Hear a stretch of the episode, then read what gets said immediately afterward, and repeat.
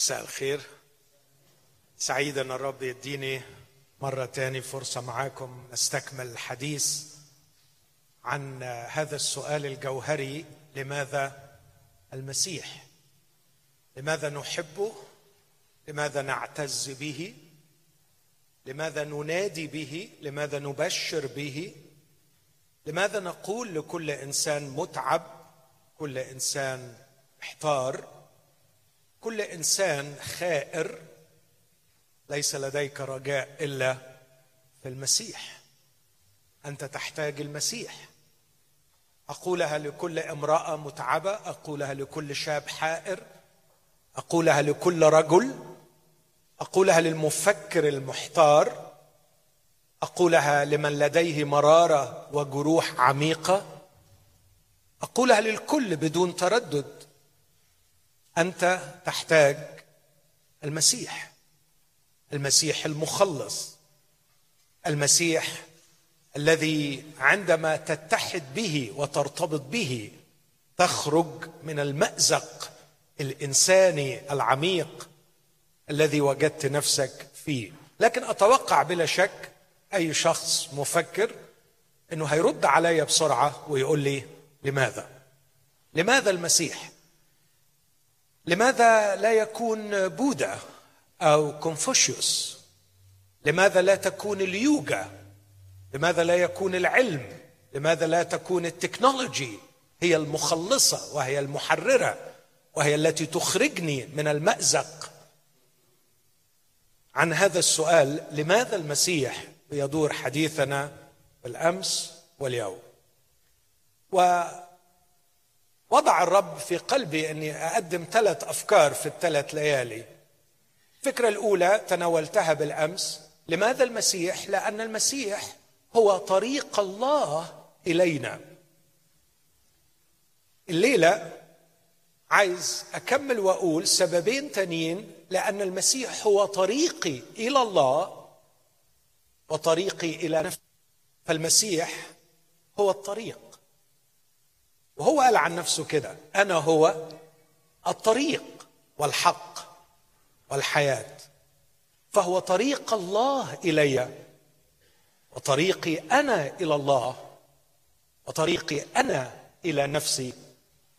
لأنه في الواقع أي إنسان مفكر بعمق يقدر يوافق بسهولة على أن الإنسان ليس فقط فاقد طريقه إلى الله لكنه فاقد طريقه إلى نفسه. أنا مغترب. الاغتراب حقيقة فلسفية ونفسية وعلمية. كتب عنها عشرات الفلاسفة وعشرات علماء النفس.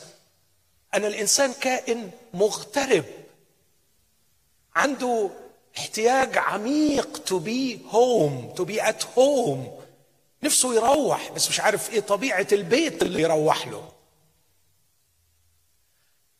القصة المسيحية الإيمان المسيحي يقول أن ال home أن البيت الذي فيه يشفى الإنسان من الاغتراب هو بأن يجد طريقه إلى حضن الله أن يسكن في الله لكن أيضا أن يكف عن اغترابه عن نفسه فيجد نفسه. فعندما أجد نفسي في حضن الله في علاقة مع الله. عندما أكتشف مين أنا وأجد نفسي عندئذ يشفى الإنسان من الاغتراب. المسيح قدم نفسه للعالم على أنه الطريق الذي يحقق هذا الذي يقود الإنسان في رحلة خلاص خلاص النفس خلاصها من هذا الاغتراب عن الله واغترابها عن نفسها. فيستريح الإنسان. هذا ما يقدمه المسيح. بلا شك إن ده ادعاء ضخم ادعاء كبير. بلا شك إنه كلام يعني محتاج برهان. كيف يستطيع شخص أن يقودني للشفاء من الاغتراب عن الله والاغتراب عن نفسي؟ هتعمل إيه؟ إيه المعجزة اللي هتعملها؟ ادعاء بلا شك ضخم. بس في حاجة أن المسيح مات وقام. وأعتقد ان من يموت ثم يغلب الموت ويقوم. له مصداقية عظيمة تجعلني أقبل ما يقوله عن نفسه. لو لم يكن المسيح قد قام من الأموات لكانت كل ادعاءاته عن نفسه وادعاءاته عن ما يستطيع أن يفعله معي كإنسان خاطئ متألم غير مقبولة. لكن المسيح وعد والمسيح مات وقام. ولأنه قام فهذا أعظم برهان على صدق ما وعد به وعلى صدق ما يستطيع أن يفعله. لكن بكرة إن شاء الرب وعشنا إذا كان المسيح هو طريق الله إلي والمسيح هو طريقي أنا إلى الله وهو طريقي إلى نفسي فيبقى سؤال أخير كيف أجد طريقي للمسيح شخصيا؟ طب إزاي أوصل للمسيح ده هحكي فيه بكرة. لكن الليلة حابب أركز على النقطتين دول. أن المسيح طريقي إلى الله وطريقي إلى نفسي. هل المسيح ادعى هذه الادعاءات؟ هل المسيح قال هذا الكلام فعلا؟ هكتفي في البداية بقراية جزئين من كلام المسيح بيؤكدوا ما أعلنه المسيح ما خبر به. في إنجيل يوحنا أصحاح عشرة وأصحاح اربعه عشر في يوحنا عشرة يقول المسيح هذه الكلمات في عدد سبعة. فقال لهم يسوع أيضا الحق الحق أقول لكم. أنا بقول لكم الحقيقة. ما هي الحقيقة يا سيد؟ إني أنا باب الخراف. جميع الذين أتوا قبلي هم سراق ولصوص وكان يقصد قادة اليهود الذين أهلكوا النفوس. ولكن الخراف لم تسمع لهم. الناس المفكرة المخلصة النقية ما بيخلش عليها خداع رجال الدين. تعبوا منهم وزهقوا منهم ومش قادرين يصدقوهم. وكان المسيح بيقول الكلام ده بصدد القصة بتاعت الراجل المولود أعمى اللي رجال الدين يعني حيروه وتعبوه بس هو برضه تعبهم وحيرهم وبين لهم إنهم ما بيفهموش. فالمسيح بيقول إن هؤلاء الناس سراق ولصوص لكن الخراف لم تسمع لهم. ثم اسمع العبارة دي. المسيح يقول أنا هو الباب. أنا هو الباب. أيها الرب يسوع إن هذا الإدعاء ضخم للغاية. عندما تقول عن نفسك أنك أنت الباب الذي من يدخل به يخلص أتمنى أنك تكون صادق وحقيقي في هذا الكلام. معقول؟ هل يوجد مثل هذا الرجاء؟ أن شخص يأتي للبشر ويقول لهم أنا هو الباب؟ إن دخل بي أحد فيخلص. ويدخل. ويخرج. اي يعيش حالة حرية. يدخل ويخرج. ويجد مرعى. أنا هو الباب. أيها الحائر أيها التائه يا من تلمست ابوابا كثيرة ولم تجد الباب لتخرج من اغترابك ومن مأزقك. يا من عطشت وحرت وجعت لتخرج من الحالة التي أنت فيها. ولم تجد إلا مزيدا من الحيرة والتيهان. يوجد صوت يصرخ الآن ويقول أنا هو الباب. اتجه إلي تعال إلي. وستجدني أنا الباب. وستجدني بابا مفتوحا. إن دخل بي أحد إن دخل فالأمر يعتمد على اختيارك وحريتك الشخصية. إذا قبلت ودخلت أعدك بثلاثه أشياء. إن دخل بي أحد فيخلص. ستخلص. ستخلص من اغترابك. ستجد الحضن الذي يضمك. ستجد البيت الذي عشت بعيدا عنه. ستخلص لكن أيضا ستدخل وتخرج. وكلمة يدخل ويخرج تعني أنه ستختبر نوع من الحرية. لم تعتد عليه لم تتذوقه من قبل. لكن أيضا ستجد مرعى. ستجد ارضا خصبة تأكل من خيرها. ستشبع بعد جوع. آه كم أتمنى أن يكون هذا الكلام صادق وحقيقي. لا أعتقد إن في شخص يسمع هذا الكلام ومن الممكن أن لا يتجاوب معه.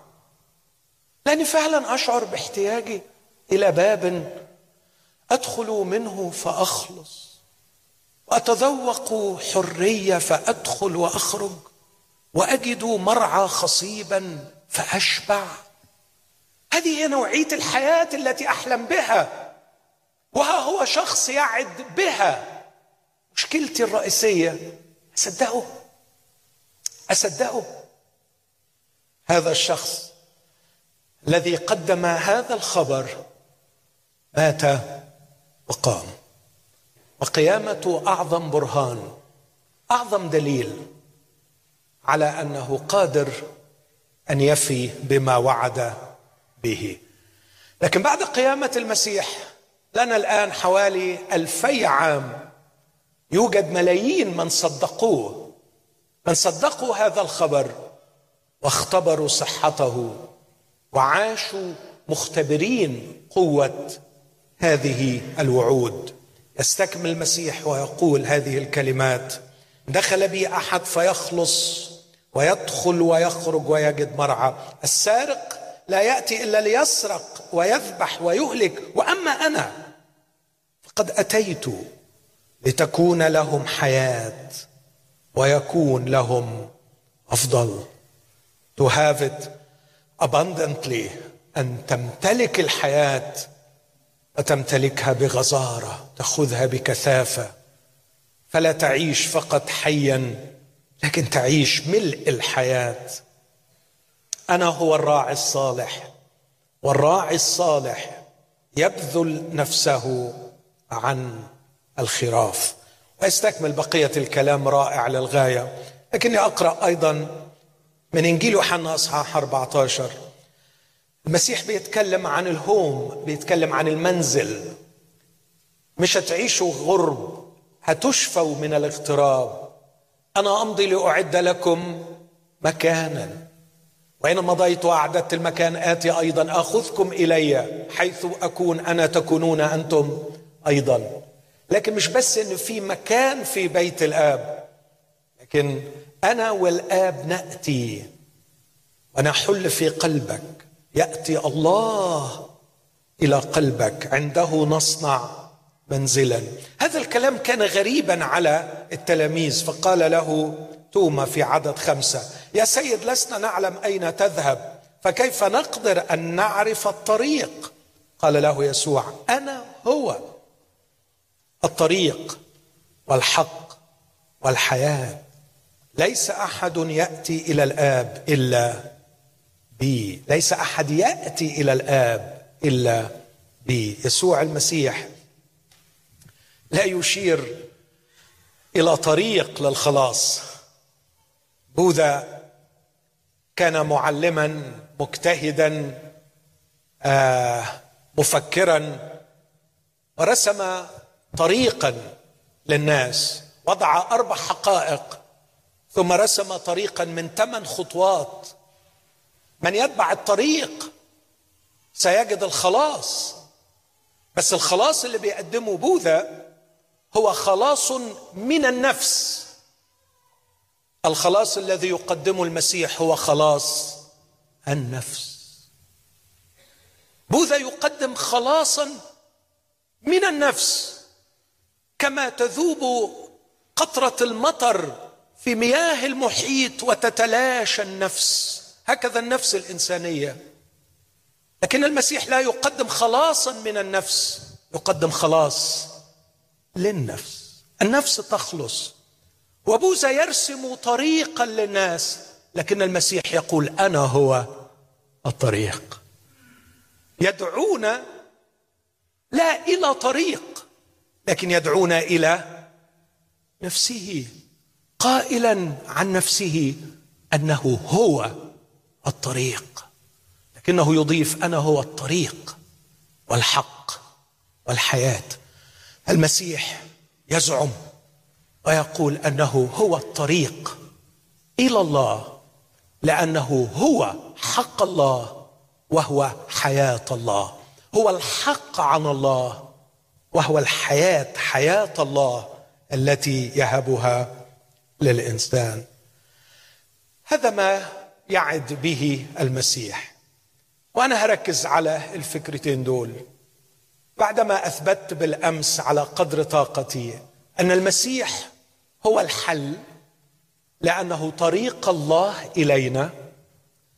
الليلة أقول أني أجد في المسيح طريقي إلى الله وطريقي إلى نفسي؟ وأبدأ المحاجة بتاعتي أو الطرح بتاعي بإني عايز أضع أمامكم ثلاث أفكار في العالم الفيزيكال وورلد تتوافق مع ثلاث أفكار في ال metaphysical world إحنا عارفين إنه الناس اللي بتفكر في الكون بتفكر في في ال physics وفي ال metaphysics.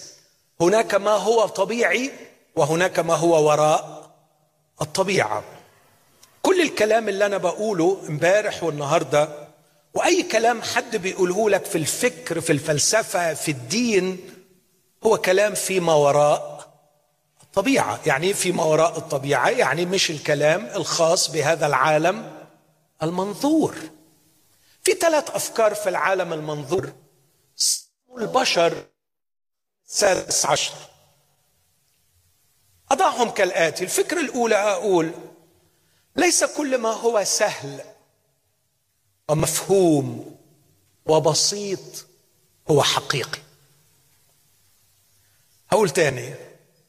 ليس كل ما هو سهل وبسيط ومفهوم حقيقي فمن الممكن أن يكون في قناعات كثيرة سهلة بسيطة مفهومة بس تكتشف في الآخر فولس It's not true. في القرن السادس عشر صدم الناس عندما اكتشفوا أن المفهوم البسيط أن الأرض مسطحة. الأرض عبارة عن قرص كبير مسطح. اكتشفوا أن ده خرافة وأنه مش حقيقي. بس الحقيقة لغاية النهارده المفهوم الأبسط والأسهل أن الأرض مسطحة. اطلع في الطيارة فوق ثلاثين ألف قدم وانظر إليها. إذا مسطحة.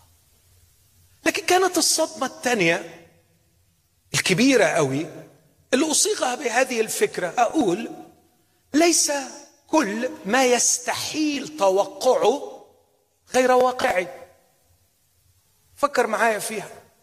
ليس كل ما يستحيل توقعه غير واقعي. إيه اللي استحالة استحالة توقعه الأمر اللي حكم بسببه جاليليو الأمر الذي منع بسببه كتاب نيكولاس كوبرنيكوس. لما قال إن الأرض بتدور. مش بس طلعت كروية لكن طلعت كمان بتدور. كانت آخر جملة في محاكمة جاليليو صارت مثلا إنها تدور. قعدوا يقولوا له ما تقولش وما تتكلمش وما تقولش وما تتكلمش. قال لهم مش هتكلم. بس هي بتدور. هي بتدور. الحقيقة إنها بتدور. أنت اتجننت أنت خرفت أنت اتلوثت. كوبرنيكوس عندما أعلن هذا الإعلان كان فعلا بيخجل من مقابلة الناس. اقرأ تاريخه شوف documentary عنه. الناس كانت بتسخر منه. ده الراجل الهزؤ اللي بيقول إن الأرض كورة والأرض بتدور. يا حرام مخه من العلم. لسع. خلاص. الراجل خرف. كتابه اللي هو أعظم كتب الفلك أو أعظم الكتب في علم الفلك اتباع منه 400 نسخة بالعافية. لأنه كلام لا يمكن توقعه. بس النهارده اللي بيقول غير كده مجنون. النهارده اللي بيقول كده غير كده متخلف. إنها تدور. ليس كل ما يستحيل توقعه هو غير واقعي. بالعكس كثير قوي من الأشياء الغير متوقعة حقيقية وواقعية. الفكرة الثالثة في عالم الفيزيكس ليس كل ما نحيا به وتعتمد حياتنا عليه نفهمه. نفهمه. طلعت الأرض مش بس كورة وبتدور حوالين محورها لكن دي طلعت بتدور حوالين الشمس. بسرعة 67 ألف ميل في الساعة وليها بالسرعة المجنونة دي آلاف السنين. اكتشفنا أنه الدورة الدموية في أجسامنا وأن حياتنا كلها ونفسنا اللي داخل وطالع إن الضغط الجوي بتاعنا اللي حافظ حياتنا وأكلنا وشربنا وعيشتنا كلها تعتمد على هذا الحمام اليومي الذي تأخذه الأرض في أشعة الشمس وهي تدور حول نفسها وتدور حول الشمس. تعاقب الفصول هو الذي يؤسس لوجود هذه الحياة. اوعى بقى من فضلك حد يضحك عليك ويقول لك هو إحنا فاهمين هي إزاي بتدور حوالين نفسها ولا إزاي بتدور حوالين الشمس. اوعى حد يضحك عليك ويقول لك إحنا فاهمين الكلام ده. طبعا أي واحد يعني من أنصاف المتعلمين يقول لك لا لا لا it's easy الجاذبية. يا سلام. طب اشرح لي يعني إيه الجاذبية؟ اننا لا نفهم معنى الجاذبية. اننا لا نستطيع أن نستوعب كيف أن هذه الكرة المخيفة بوزنها بمحيطاتها بمياهها بدون صوت أو ضجيج تدور بهذه السرعة المجنونة حول نفسها.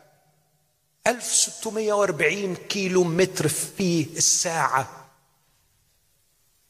وحوالي 110 ألف كيلو متر في الساعة حول الشمس. ثم هي وبقية المجرة أو المجموعة الشمسية 300 كيلو متر في الثانية. مين يعرف يفهم الكلام ده؟ لكن الحياة اليومية التي نعيشها تعتمد كلية على دوران الأرض حول نفسها وحول الشمس وطيرانها بسرعة في هذه المجرة. ليس كل ما هو بسيط وسهل ومفهوم حقيقي. ليس كل ما يستحيل توقعه غير واقعي. ليس كل ما تقوم عليه حياتنا نفهمه ونستوعبه. أقول يا إخوتي عندما اكتشفنا أن الله ليس بسيطا كما كنا نتصوره لكنه ثالوث في جوهر واحد. طلع الله مش بالبساطة اللي كنا بنفهمها.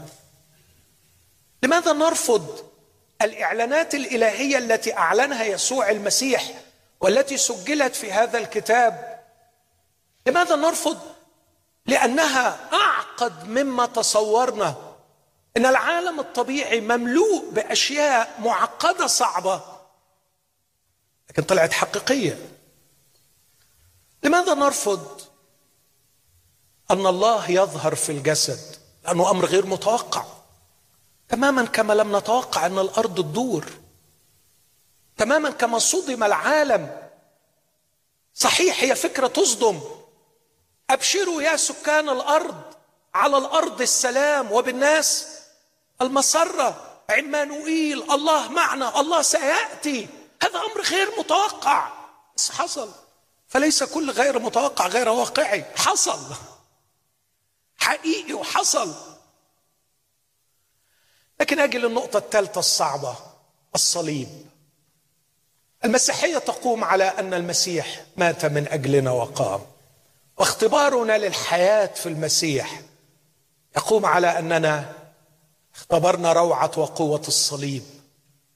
اسأل أي مسيحي حقيقي يقول لك أنا اختبرت. لولا الصليب من أنا يا سيدي. الصليب له غلاوة خاصة على قلب كل مؤمن. الصليب بالنسبة لنا ليس مجرد قصة تاريخية لكن حقيقة اختبارية. إننا اختبرنا روعة الصليب.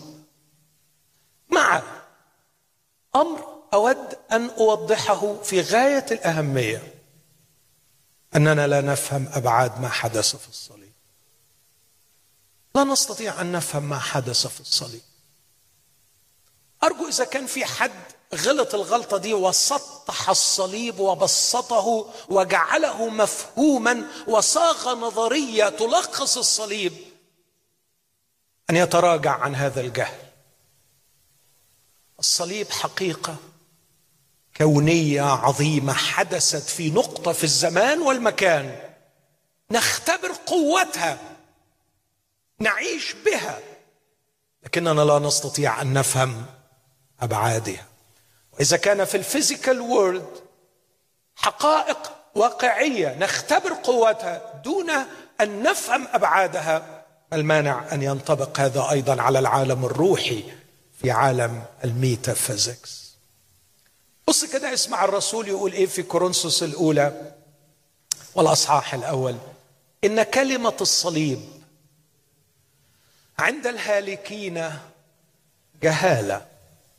كلمة الصليب الكلمة لوجوس المنطق في الصليب الرسالة التي نعلنها من خلال الصليب عند الهالكين جهالة.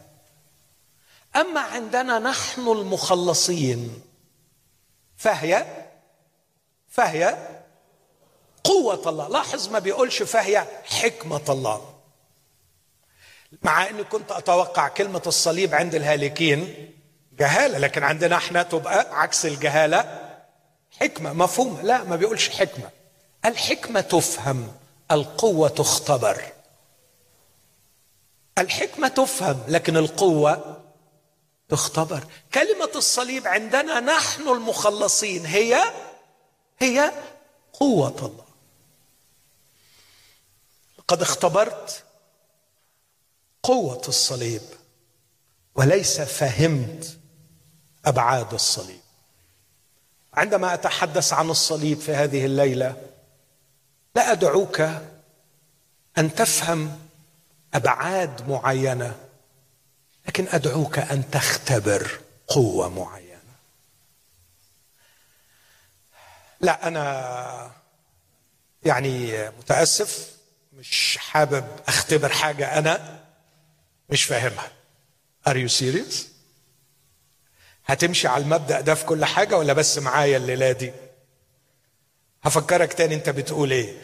أنا ما عنديش استعداد أختبر حاجة أنا مش فاهمها.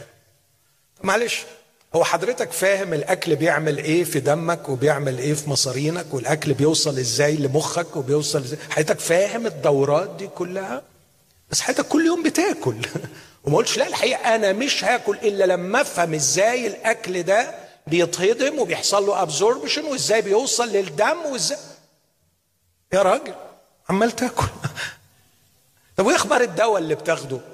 طبيب بيكتب دواء. حضرتك بتاخد الدواء وبتختبر تأثير الدواء. وعمري ما سمعتك بتقول لا لا لا لا لا لا يمكن أخد الدواء إلا لما أفهم. طب بلاش كده. حضرتك فاهم الطيارة إزاي بتطير؟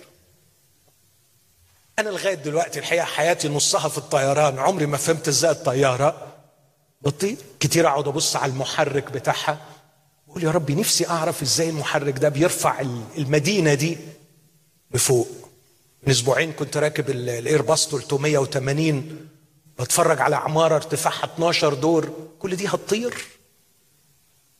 وسلمت نفسي لربنا وركبت وطرت. وأنا مش فاهم. حقيقي مش فاهم. هل توقف اختبارك للشيء على فهمك؟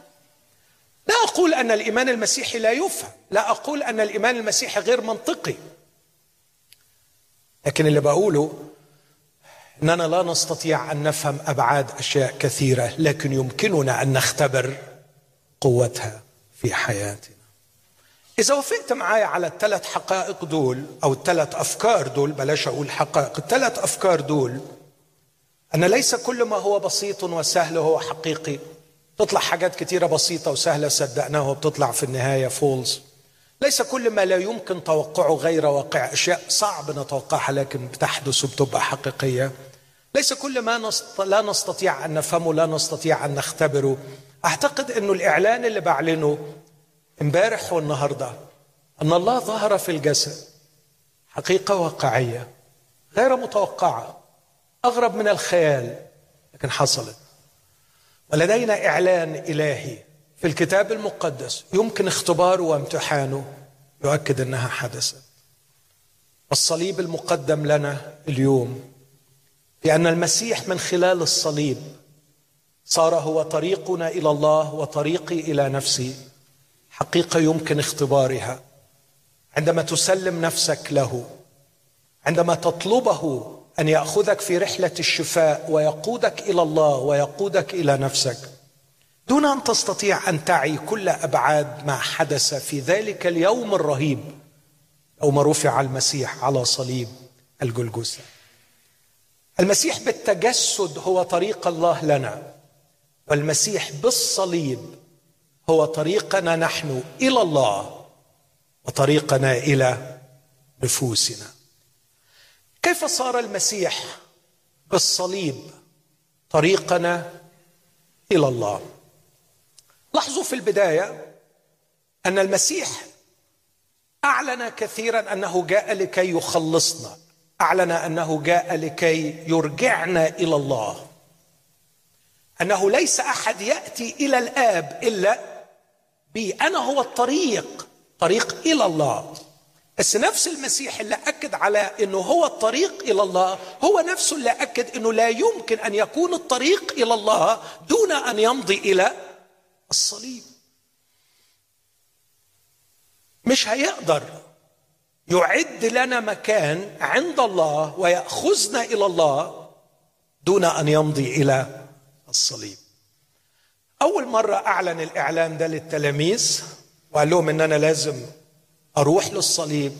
واحد من تلاميذه ما اقتنعش. واحتج. وقال له حشاك أن يكون لك هذا. التفت يسوع ونظر إلى بطرس وقال له اذهب عني يا شيطان.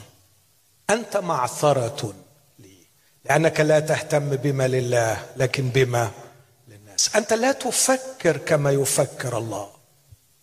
أنت لا ترى الأمور من منظور الله. أنت تفكر بطريقة سطحية كما يفكر الناس. ينبغي أن أذهب إلى الصليب لكي أقود هؤلاء الناس إلى الله. كيف قادنا الصليب إلى الله؟ أركز على أمرين. الأمر الأول أن المسيح بالصليب صالحنا مع الله. والأمر الثاني أن المسيح بالصليب بررنا عند الله. المسيح بالصليب صالحنا مع الله. والمسيح بالصليب بررنا عند الله. وبالمصالحة مع الله. وبالتبرير أمام الله. فتح المسيح طريقي إلى الله. هقرا عن المصالحة واقرا عن التبرير وبعدين أتكلم عنهم شوية في رسالة كلوسي الأصحاح الأول وعدد أقرأ من عدد.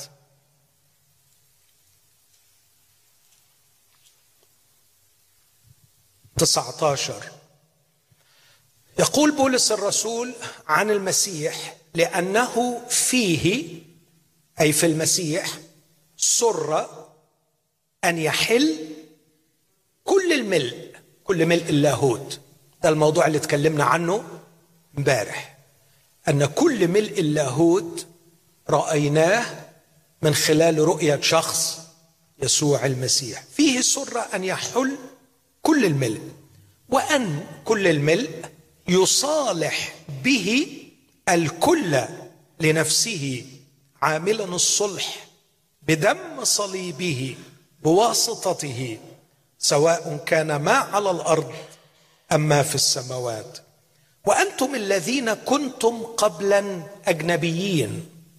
وأعداء في الفكر في الأعمال الشريرة قد صالحكم الآن في جسم بشريته بالموت. خد بالك من الكلمة الجاية. لإيه؟ أسمع منكم لو شايفينها. ليحضركم. ليحضركم. مش عارف أتخيلها إزاي. تخيل مش دقيق لكن يوصل الفكرة. كأن الله في داخل بيته فاتح أحضانه ينتظر عودة ابنه لكن الابن لا يستطيع أن يعود. الأب مشتاق على الابن. والابن هالك وضايع بعيد عن الآب. كنا نحتاج إلى شخص يخرج إلى الابن في هلاكه وضياعه ويحمله ويحضره إلى أبيه. هذا ما فعله المسيح بالصليب. وأنتم الذين كنتم أجنبيين أعداء في الفكر والأعمال الشريرة قد صالحكم الآن في جسم بشريته بالموت ليحضركم قديسين وبلا لوم ولا شكوى أمام الله أمامه. هذا هو عمل المصالحة. أسأل سؤال طبقا للكلام النص ده. دون الدخول في مناقشات لاهوتية وفلسفية. الا تشعر إن في مشكلة بينك وبين الله؟ سيبك من كل التعاليم اللاهوتية الكبيرة والمختلفة خلينا في أبسط مستوى. أنت مش شاعر إن في حاجة غلط بينك وبين ربنا؟ هو ليه لما بنفكر في ربنا ما بنحسش براحة. بنحس بخوف أحيانا. من أين هذه الحالة؟ إنه في شعور بلاش خوف. في شعور بالاغتراب. عارفين القصة القديمة؟ سمعت صوتك في الجنة فخشيت لأني عريان فاختبأت لماذا هذا الشعور؟ أنه في خلل معين. بيني وبين الله. لماذا كل الديانات أليست الديانات تدعي أنها توجد حلا لمشكلة الإنسان مع الله؟ وليس وجود الديانات دليل على انه هناك في something wrong بين الإنسان والله؟ آه في حقيقة. إيه التفسير؟ مش ضروري دلوقتي. إيه السبب؟ مش ده اللي بناقشه.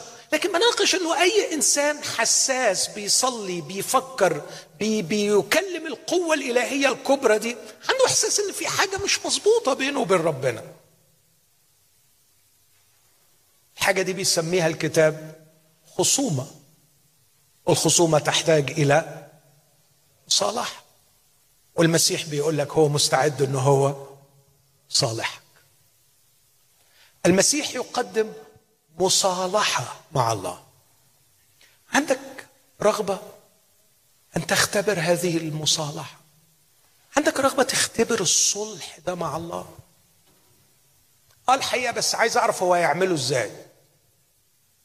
أه ما عنديش مانع بس أعرف هو إيه بالظبط اللي حصل فيا وإيه اللي حصل في الله وإمتى بالظبط علشان يكون في الخصومة دي وبعدين لازم أعرف تفاصيل الحل اللي هيصالحني مع الله. أنت نكدي وعمرك ما هتختبر حاجة. يا عمي أنت في مشكلة. أنت في خصومة.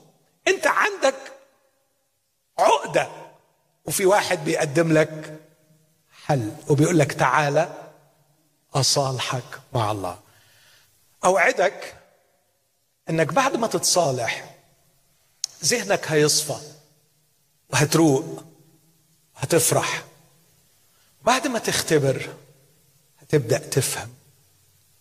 إذا كنت تشعر بأن هناك شيء خطأ بينك وبين الله المسيح يدعوك للمصالحة.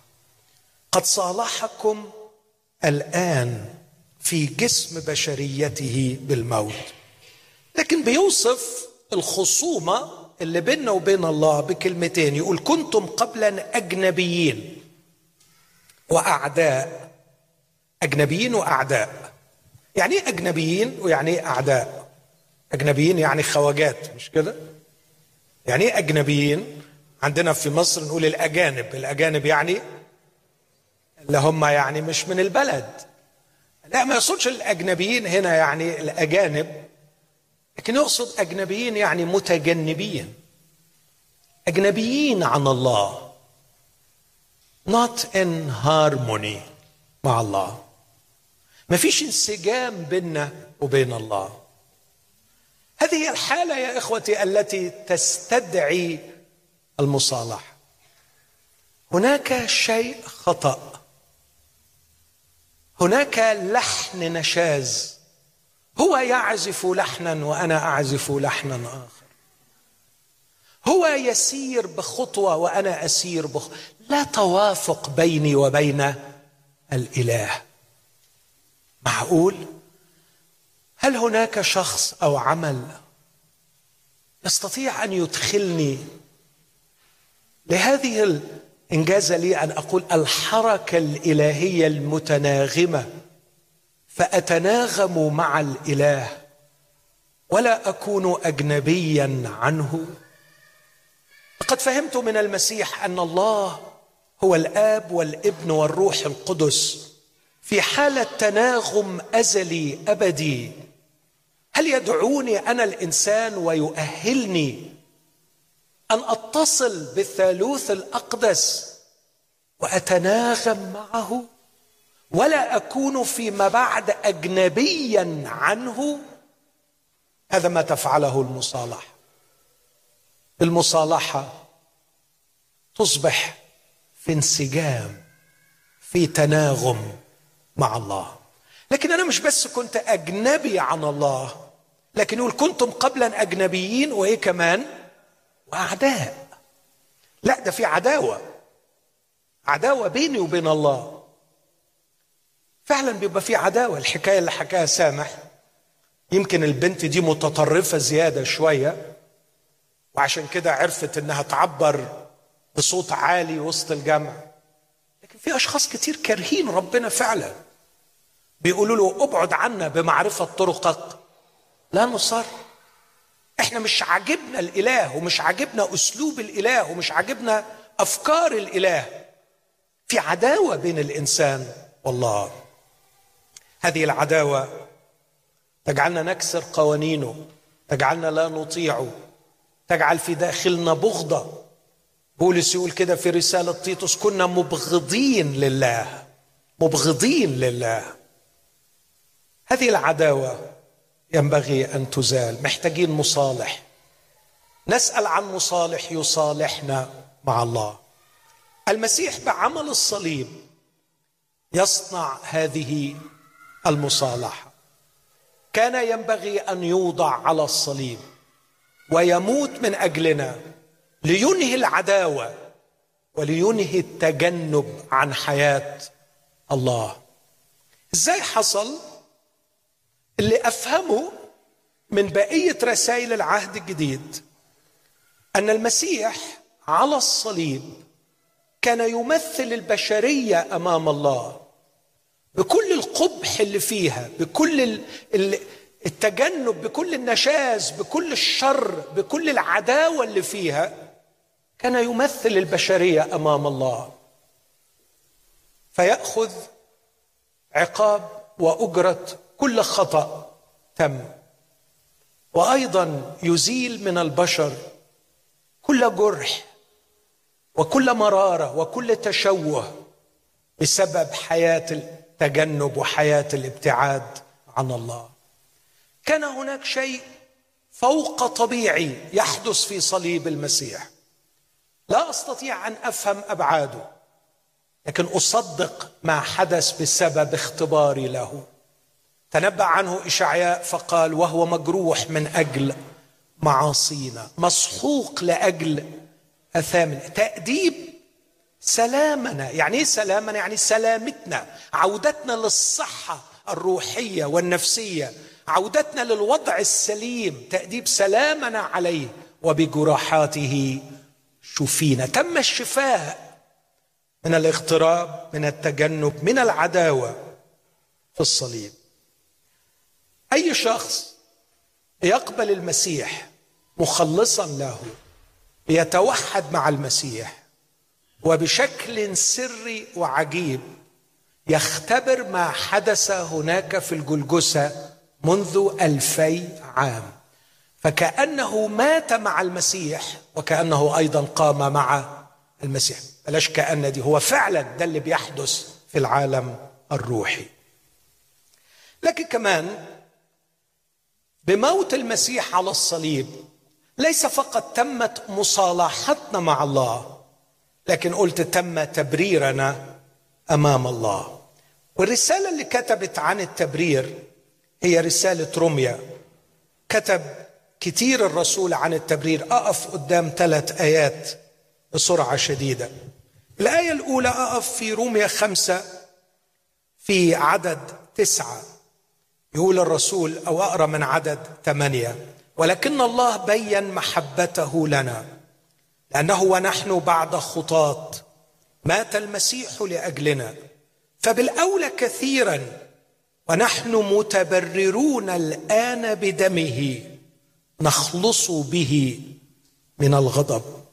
رسول بيقرر أننا كمسيحيين ارتبطنا بالمسيح. الآن نحن متبررون الآن بدمه. ما المقصود بكلمة متبررون الآن بدمه؟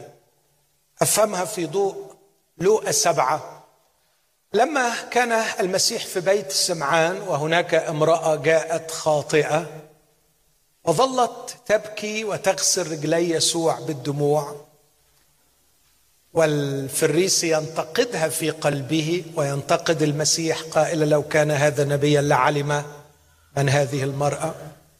ضرب المسيح مثلا لسمعان لكي يشرح له ما يحدث. قال له سمعان عندي شيء أقوله. كان في إنسان مداين عنده اثنين مديونين. واحد مديون ب 500 دينار والآخر مديون ب 50 دينار. وإذ لم يكن لهما ما يوفيان سامحهما جميعا. أيهما يكون أكثر حبا له؟ قال أظن الذي سامحه بالأكثر. أنا بسبب أعمالي الخاطئة التي عملتها كل أيام عمري. كان رصيد ديني أمام الله كشخص مخطئ يزداد يوما بعد يوم. أعمالي لم تذهب أدراج الرياح لكن كل فعل شرير عملته لم يزل موجود. لو حاولت تتخيل الزمن خط مستقيم والله خارج الزمن ينظر هذا الخط. ليس لديه ماضي ومستقبل لكن الكل حاضر أمامه. فالأعمال الرديئة التي عملتها من ثلاثين سنة من عشرين سنة حاضرة بكل قبحها أمام الله. أنا أبحرت بعيدا عنها. وأحاول مستعملا ضعف ذاكرتي بأن أتناساها. لكن الفعل طازجا قويا حيا بكل ألوانه حاضرا دائما أمام الله. الخطية حاضرة أمام الله. ومهما حاولت أن أبتعد عنها بذاكرتي هي لا تبتعد عني في حقيقتها فهي ملتصقة بي فأنا الذي فعلت هذا الفعل. ابعد عنها بذاكرتك كما شئت لكنها ملتصقة بك ولا يمكن أن تنفصل عنك. كنا نحتاج إلى عمل عجيب غريب يفصلنا عن خطايانا. يفصلنا عن خطايانا. هذا العمل الذي يمكن أن يفصلنا عن خطايانا؟ مش بس يفصلنا عنها. ويلغي وجود خطايانا من أمام الله فتصبح خطايانا كالعدم. هذا العمل اسمه التبرير أمام الله. لكن من يستطيع أن يفعل هذا؟ أي عمل يستطيع أن يفصلني عن خطاياي؟ يستطيع أن يمحو خطاياي. المسيح يقول أن هذا لا يحدث إلا بسفك الدم وبموت المسيح على الصليب. وبالتالي تستطيع أن تختبر متبررون الآن بدمه. فكر معايا يمكن الفكرة دي تساعدك علشان تفهم معايا هذه الحقيقة. لما بقول الله يذكر هل زي ما أقول أنا تذكرتك؟ يعني لما يقول ذكر الرب فلان أو لما الله يذكر شخص أعتقد إنه هناك فارق بين الله عندما يذكر وأنا عندما أذكر. أنا عندما أذكر أستدعي للذاكرة شيئا موجودا لكن الله عندما يذكر يذكر أن يستحضر من العدم شخصا ليجعله موجودا. الله لما ينطق اسم لما قال الله ليكن نور بس نطق وقال ليكن نور فصار نور كان نور. الله عندما ينطق عندما يذكر يخلق. يخلق لأن كلمته فاعلة. من الناحية الثانية الله عندما لا يذكر يسحب الوجود من الشيء الموجود يجعله عدم. والشيء الذي فعله التبرير فينا إنه جعل الله يذكرني ولا يذكر خطاياي. فصرت أنا موجودا أمام الله ولم تعد خطاياي موجودة. كيف استطاع المسيح أن يفصلني عن خطاياي أمام الله ثم يمحو الخطايا من حضرة الله إلى أبد الأبدين ويلاشيها من الوجود؟ هذه معجزة. هذا هو عمل التبرير. نحن الآن متبررون بدمه حتى أن بولس يقول اذا لا شيء من الدينون الآن على الذين هم في المسيح يسوع. لكن المسيح عمل عمل شيئا آخر الحقيقة في روميا بيشرحه. في روميا بيشرح أن المشكلة لم تكن مشكلتي أنا الفردية فقط إني فعلت خطايا لكن مشكلتي أعمق لأني منتمي إلى جنس خاطئ هو الجنس البشري الآدمي. أنا منتمي للجنس البشري الآدمي. وهنا مشكلة أخرى ليست مشكلة الفعل لكن مشكلة الجنس. فأنا أفعالي تجعلني مدانا. لكن جنسي أيضا يجعلني مدانا. لأني آدمي حدث في تشوه وأعوجاج. صرت أتمركز حول ذاتي أناني متكبر أرغب في التأله. هذا الجنس مدان. في الصليب حدثت معجزة وباتحادك بالمسيح المصلوب. يحدث هذا الأمر الغريب الذي تختبر قوته وتستطيع أن تعيشه. في روميا الستة يقول هذه الكلمات في عدد ثلاثة. أم تجهلون أننا كل من اعتمد ليسوع المسيح اعتمدنا لموته فدفنا معه بالمعمودية للموت حتى كما أقيم المسيح من الأموات بمجد الآب هكذا نسلك نحن أيضا في جدة الحياة. لأننا إن كنا قد صرنا متحدين معه بشبه موته نصير أيضا بقيامته. عالمين هذا أن إنساننا العتيق قد صلب معه. ليبطل جسد الخطية كي لا نعود نستعبد أيضا للخطية لأن الذي مات قد تبرأ. من الخطية. هذا النص يقول أنه باتحادي مع المسيح مت معه فقطعت من هذا الجنس المدان ودفنت وقمت في حياة جديدة تستقر عين الله عليها بالرضا. فالتبرير بالدم محل أفعال التبرير بالموت عندما اتحدت بالمسيح في موته قطعت من الجنس المدان. لكن تبقى عبارة أخيرة في رومية خمسة عدد 18 يقول الرسول هذه الكلمات في خمسة 18 فإذا كما بخطية واحدة صار الحكم إلى جميع الناس للدينونة. هكذا ببر واحد صارت الهبة إلى جميع الناس لتبرير الحياة. تبرير الحياة الحياة هنا ليست مفعول به أن الله برر الحياة لكن مضاف ومضاف إليه أنه يعطيك حياة تجعلك مبررا أمام الله. ما هي الحياة التي أعطاني إياها؟ هي حياة المسيح. هذه الحياة حياة المسيح امتحنت على الأرض 33 سنة وامتحنت في النهاية بأقصى امتحان واجتازت كل الامتحانات بنجاح إذ أطاع حتى الموت موت الصليب. وأنا نلت هذه الحياة أمام الله. لو فكرت في الثلاث كلمات اللي قلتهم دول تلاقيهم كالآتي. أنا إنسان فعلت أفعال خاطئة حاضرة أمام الله. تحتاج إلى فصل عني ومحو أنا إنسان نابع من جنس مشوه. احتاج إلى فصل من هذا الجنس. أنا إنسان محتاج نوع من الحياة يجعلني أساكن الله. هذا هو التبرير. التبرير بالدم محى أفعالي. التبرير بالموت فصلني عن الجنس المشوه.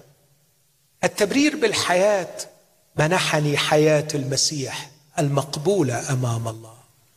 فاستطيع أن أساكن الله وليس علي عبء افعالي التي فعلتها ولست أحمل هذا الأصل المعوج المشوه المدان المتمركز حول ذاته لكن صرت في جدة الحياة أحيا في نوع جديد من الحياة وامتلكت أيضا حياة المسيح التي لن تستغرب جو السماء وجو الشركة والسكنه مع الله. هذا هو التبرير. بالمصالحة والتبرير. يمكن اختبارهم الليلة. يمكن باتحادك بالمسيح تختبر كيف تتصالح مع الله. وكيف تتبرر أمام الله. بدم المسيح. بموت المسيح. بحياة المسيح. وهكذا يكون المسيح طريقي إلى الله. أنا ليه قد إيه بتكلم؟ ليه قد إيه غسان؟ لا معلش الحقني بسرعة. ساعة؟ أربعين بس؟ أوعى تكون بتجاملني. طيب هختم بإني أقول أن المسيح ليس فقط طريقي إلى الله بهذا الشكل البديع. يمكنني legally practically spiritually قانونيا عمليا روحيا من مساكنة الله. مغسول بالدم مت مع المسيح وحييت مع المسيح فأستطيع أن أحيا مبررا أمام الله. لكن المسيح هو طريقي إلى نفسي. لقد كنت مغتربا عن الله ومغتربا عن نفسي. واحدة من أشد أشكال المعاناة إن الإنسان مش لاقي نفسه. يعني إيه مش لاقي نفسه؟ أمر يطول شرحه لكن أركز على نقطتين. مش لاقي نفسه يعني لم يتعرف على نفسه الحقيقية فهو مجرد استنساخ من الذين حوله. هو مجرد copy من ال culture اللي نشأ فيها. دايما بيدور على وأنا ليه بعمل كده؟ بعمل كده زي بقية الناس. بعمل كده لأنه المفروض أعمل كده. أين أنا الحقيقي؟ مش لاقيه.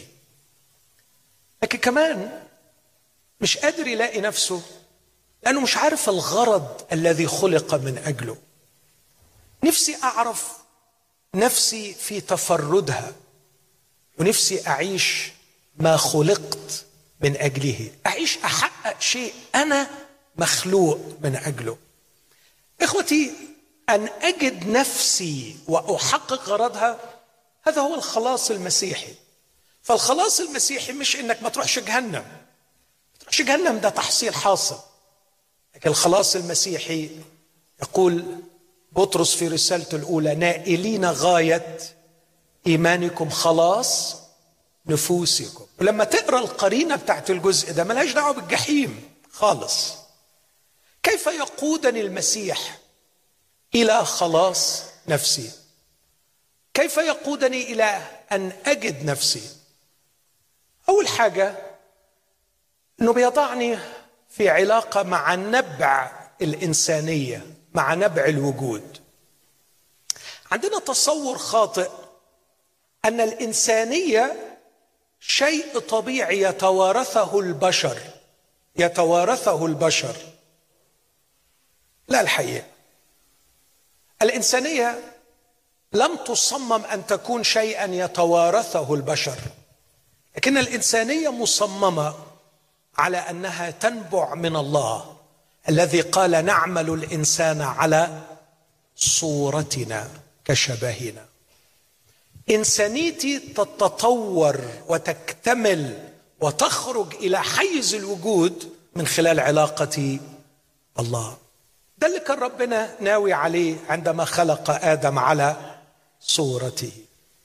كانه عايز يقول إن الإنسانية أصلها فالله وكلما صار آدم في علاقة أعمق مع الله كلما صار إنسانا أكثر.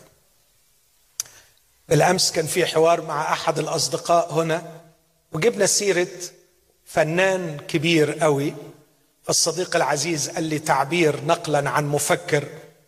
قال المفكر الفلاني قال عن الفنان الفلاني هو فنان ضخم وإنسان صغير. فنان كبير وإنسان صغير. عجبني التعبير ده قوي.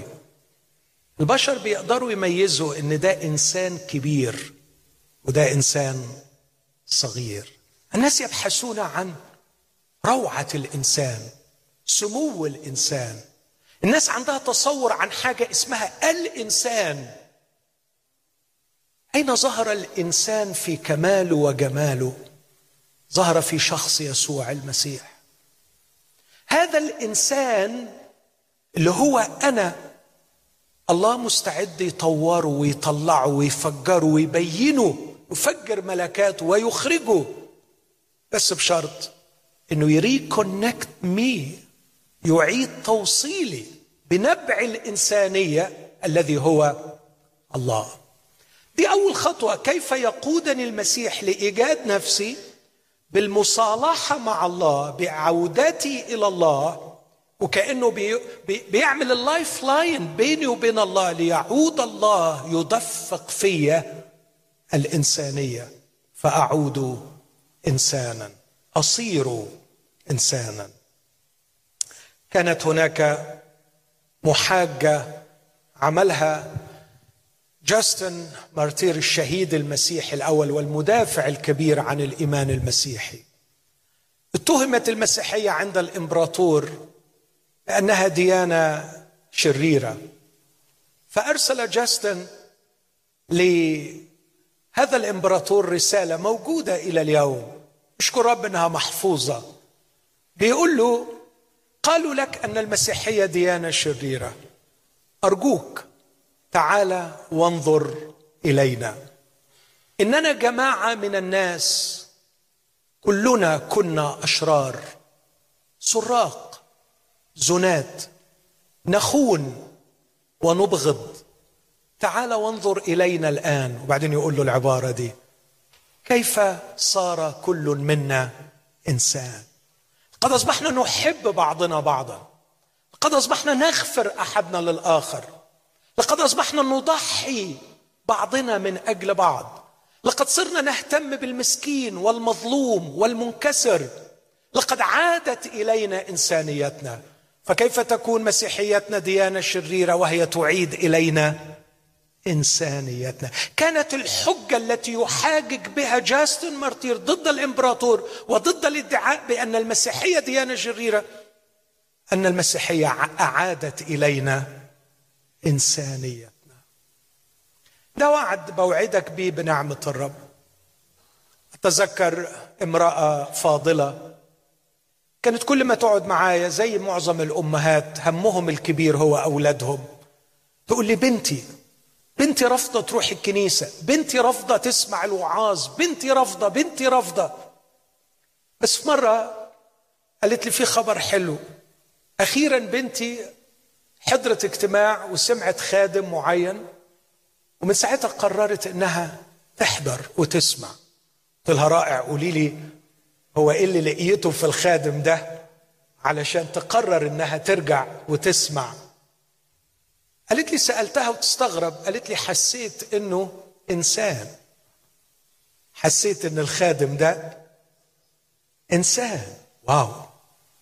هل صار الناس يشتقون إلى الإنسانية بهذا الشكل؟ وهل أصبح وجود الخادم الإنسان عملة نادرة لهذا الحد؟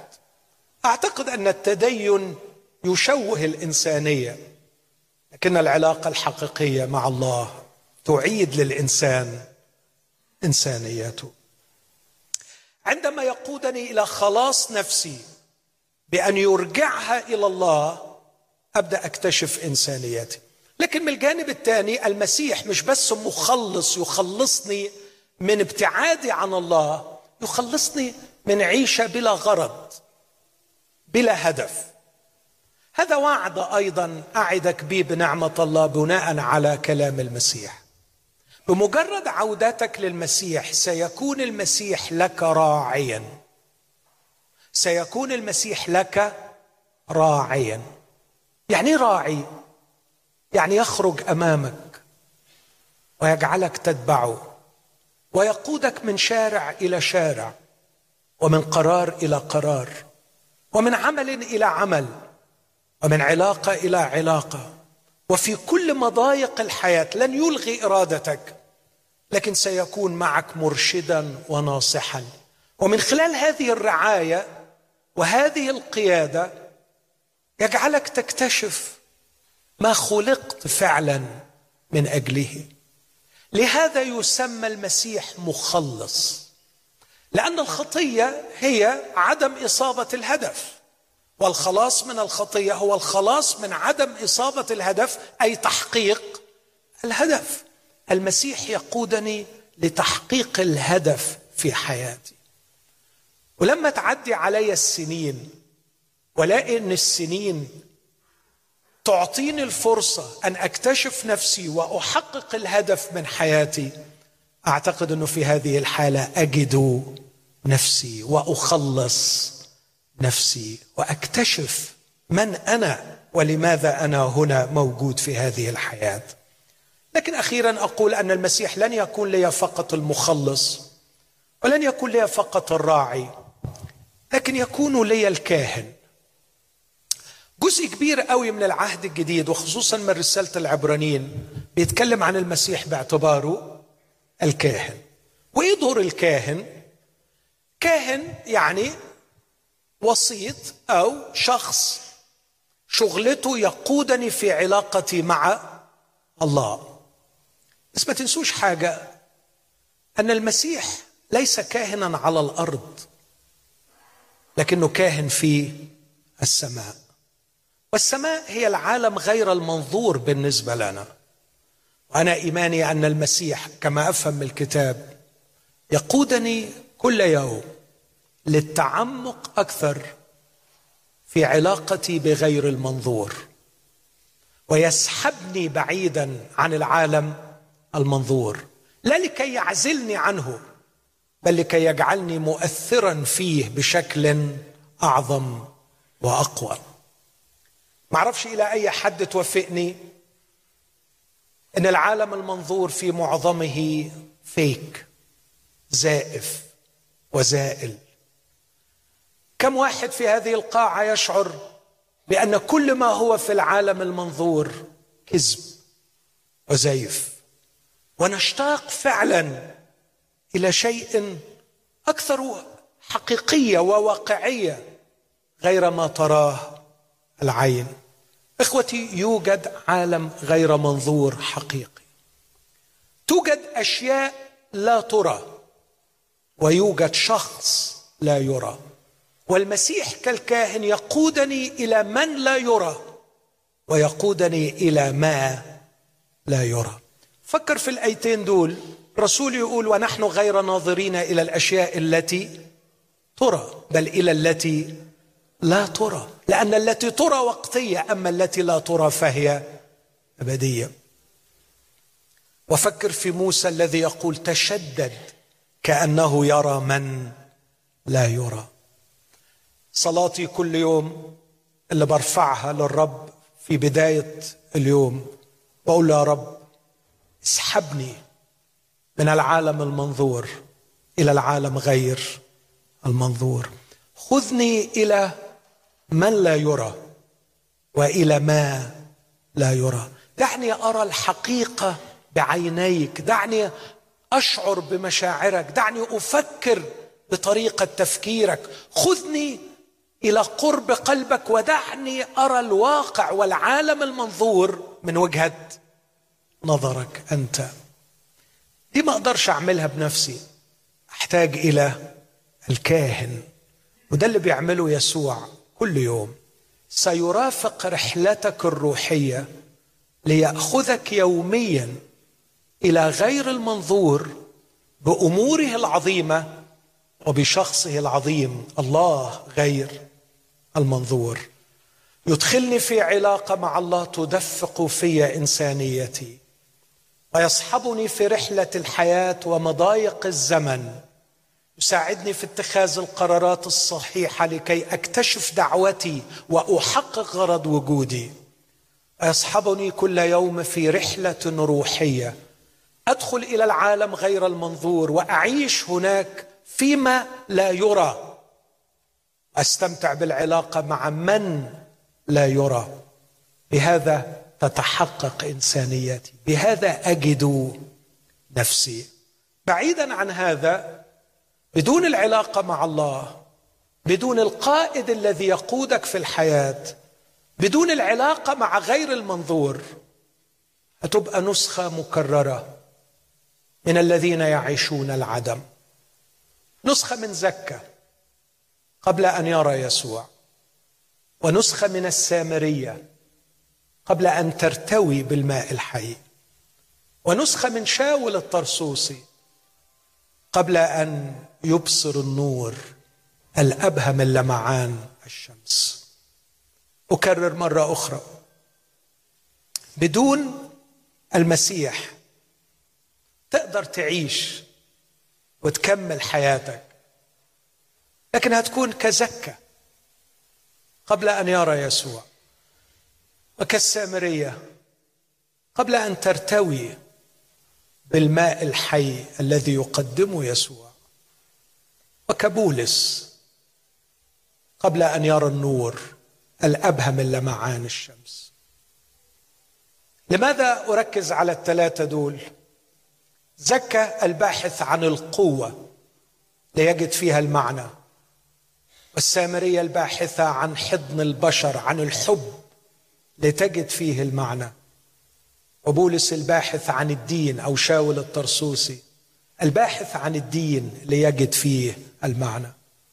زكى كرس حياته لجمع المال لأنه يجد القوة في المال. والمرأة ظنت أنها ترتوي من أحضان الرجال عن الحب وشاول التطرف والتعمق في الدين. لكن الثلاثة هالكين. وما المجتمع البشري من حولنا إلا واحد من هؤلاء؟ باحثين عن القوة في المال باحثين عن الحب في الجنس باحثين عن المعنى من خلال الجنس والحب أو باحثين عن المعنى من خلال التطرف في الدين.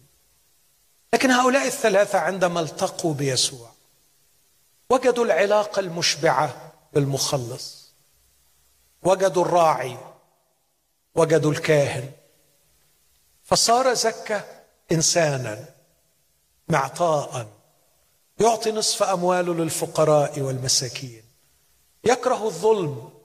وإن ظلم أحد يرد أربعة أضعاف. وصارت السامرية شبعانة مرتوية تجري منها أنهار الماء الحي. وليست تلك الامرأة العطشانة التي تبحث عن قطرة ماء في حضن رجل وراء رجل وراء رجل. قد تغير الجوهر. صارت إنسانة متدفقة بالعطاء تربح مدينة بأكملها للمسيح. فصار شاول بدلا من رجل قاس ينفث تهددا وقتلا إلى مبشر بالإنجيل.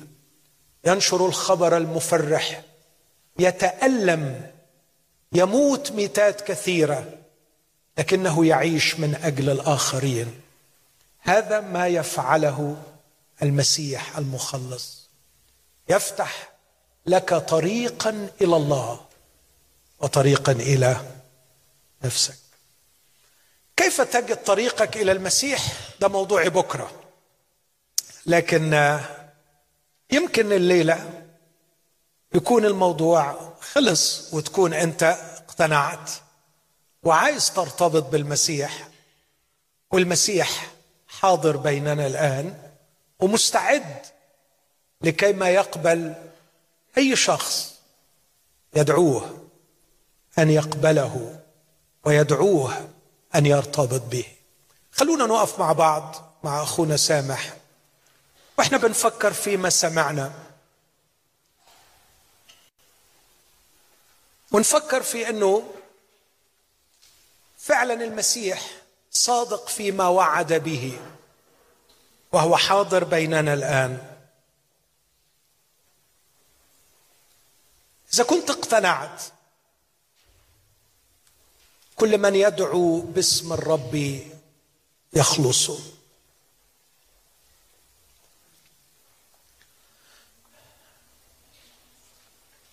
كواحد من خدامه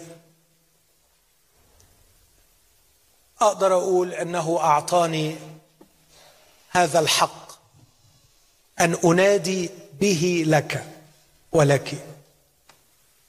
وقال لي إن كل من يؤمن بي ينال باسمي غفران الخطايا ونصيبا مع المقدسين. هذا ما قاله المسيح لبولس ويقوله لكل خادم يكرز باسم المسيح. هلم فأرسلك إلى الأمم لتنادي لهم. لكي ما يرجعوا من ظلمات إلى نور ومن سلطان الشيطان إلى الله.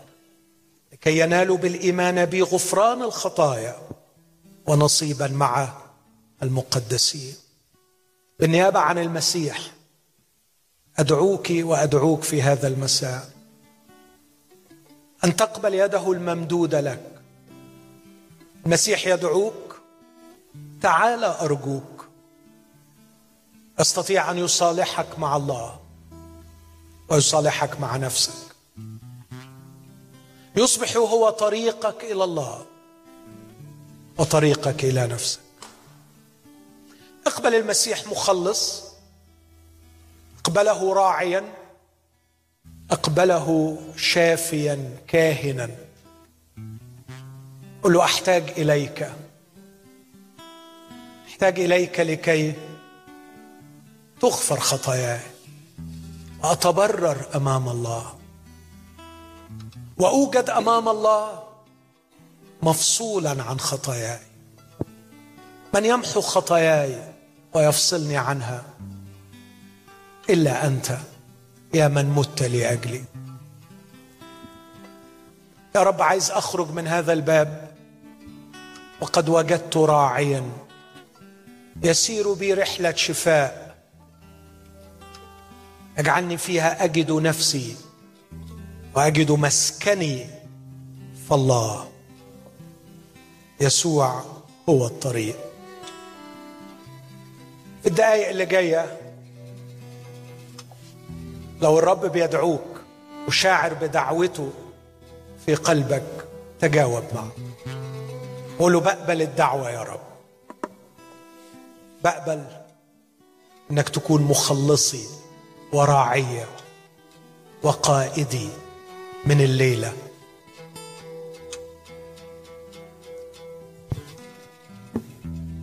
من أنا لي من شعبك من دعي عليهم اسمك.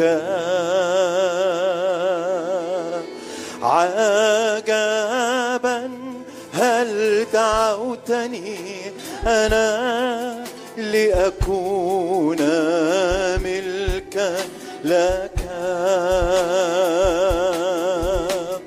هل لغريب لضال آثيم أن ينتمي للملك؟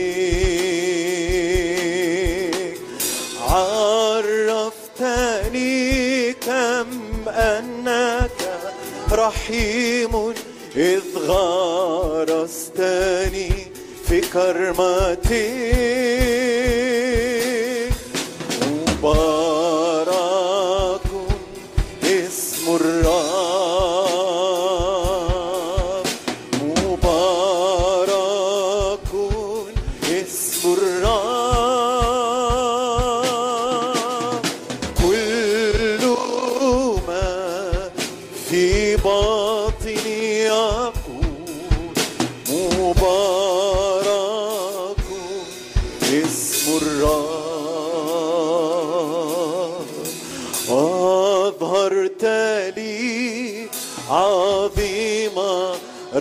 رحمتك بسفك دماء الحمام.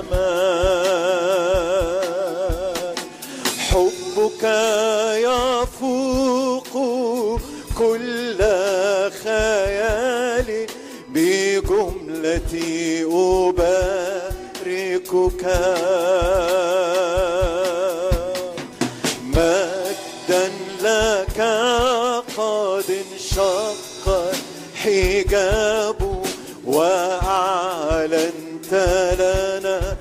سرك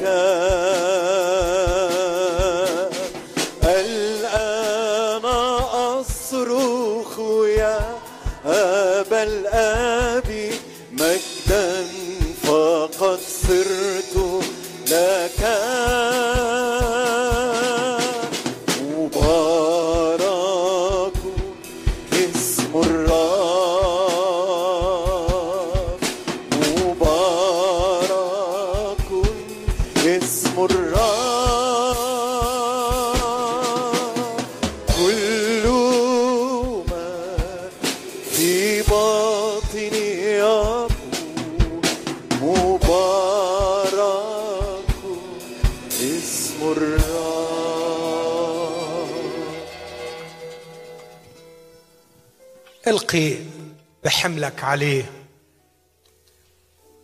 وترمي في حضنه. إذا كنت تشعر بالحيرة بالتعب بالاغتراب اللي طال صدق. جرب. تعال اختبر. قل له من قلبك ارحمني أنا الخاطي ضللت بعيدا عنك كثيرا. وبكبرياء رفضت دعوتك لي. لكن الليلة أعلن احتياجي لمخلص. يخرجني مما أنا فيه وينهي غربتي عن الله وغربتي عن نفسي. يسوع المسيح يعدك بأن يكون لك الراعي والمخلص. وهو الطريق والحق والحياة. طريقك إلى الله وطريقك إلى نفسك. قل له بقبلك يا رب. ارحمني واغفر خطاياي واعطني من الليلة أن أعيش معك وأختبر شفاءك وخلاصك. صلي معايا هذه الصلاة من قلبك. وإذا كنت فعلا حاسس بالاحتياج ده.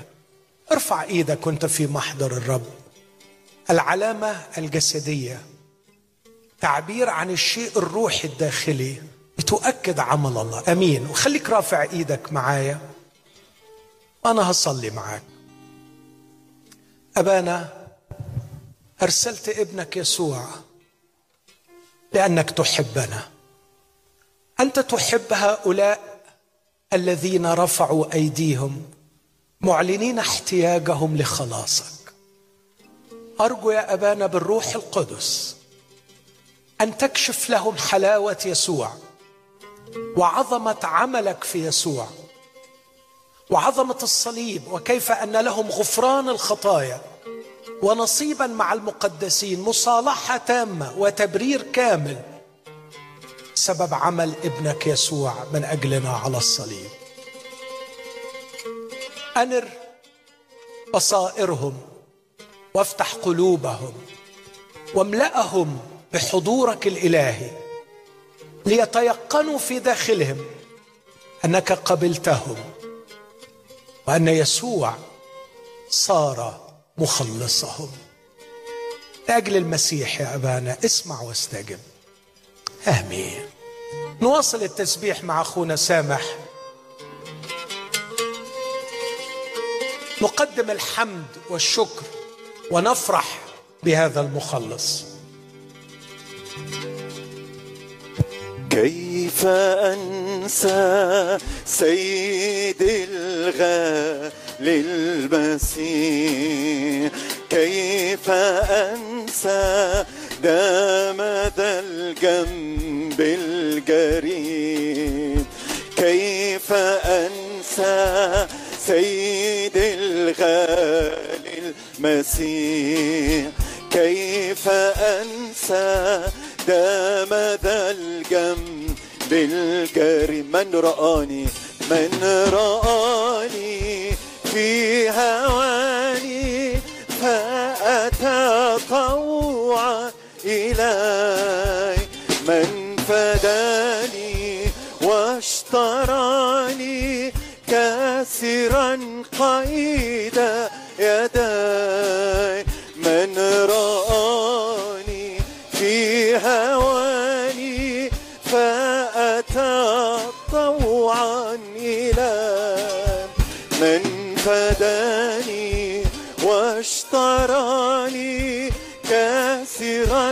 قيدا قلبك العاف كيف أنسى؟ قلبك العاف الكبير. من عفا عني وعن جرم الخطير. كيف أنسى؟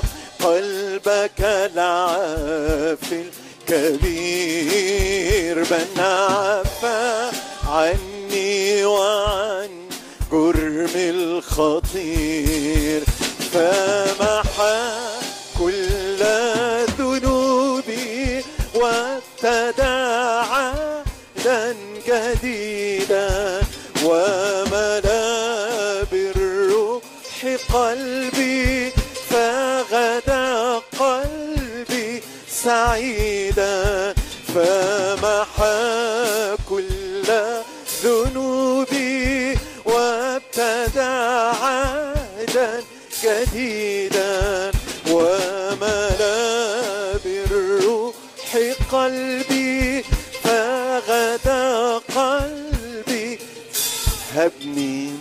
هبني أنسى سيدي ذاتي. فعنادي قد أضاق العنا هبني أنسى سيدي ذاتي هنا. فعنادي للعنا وأغني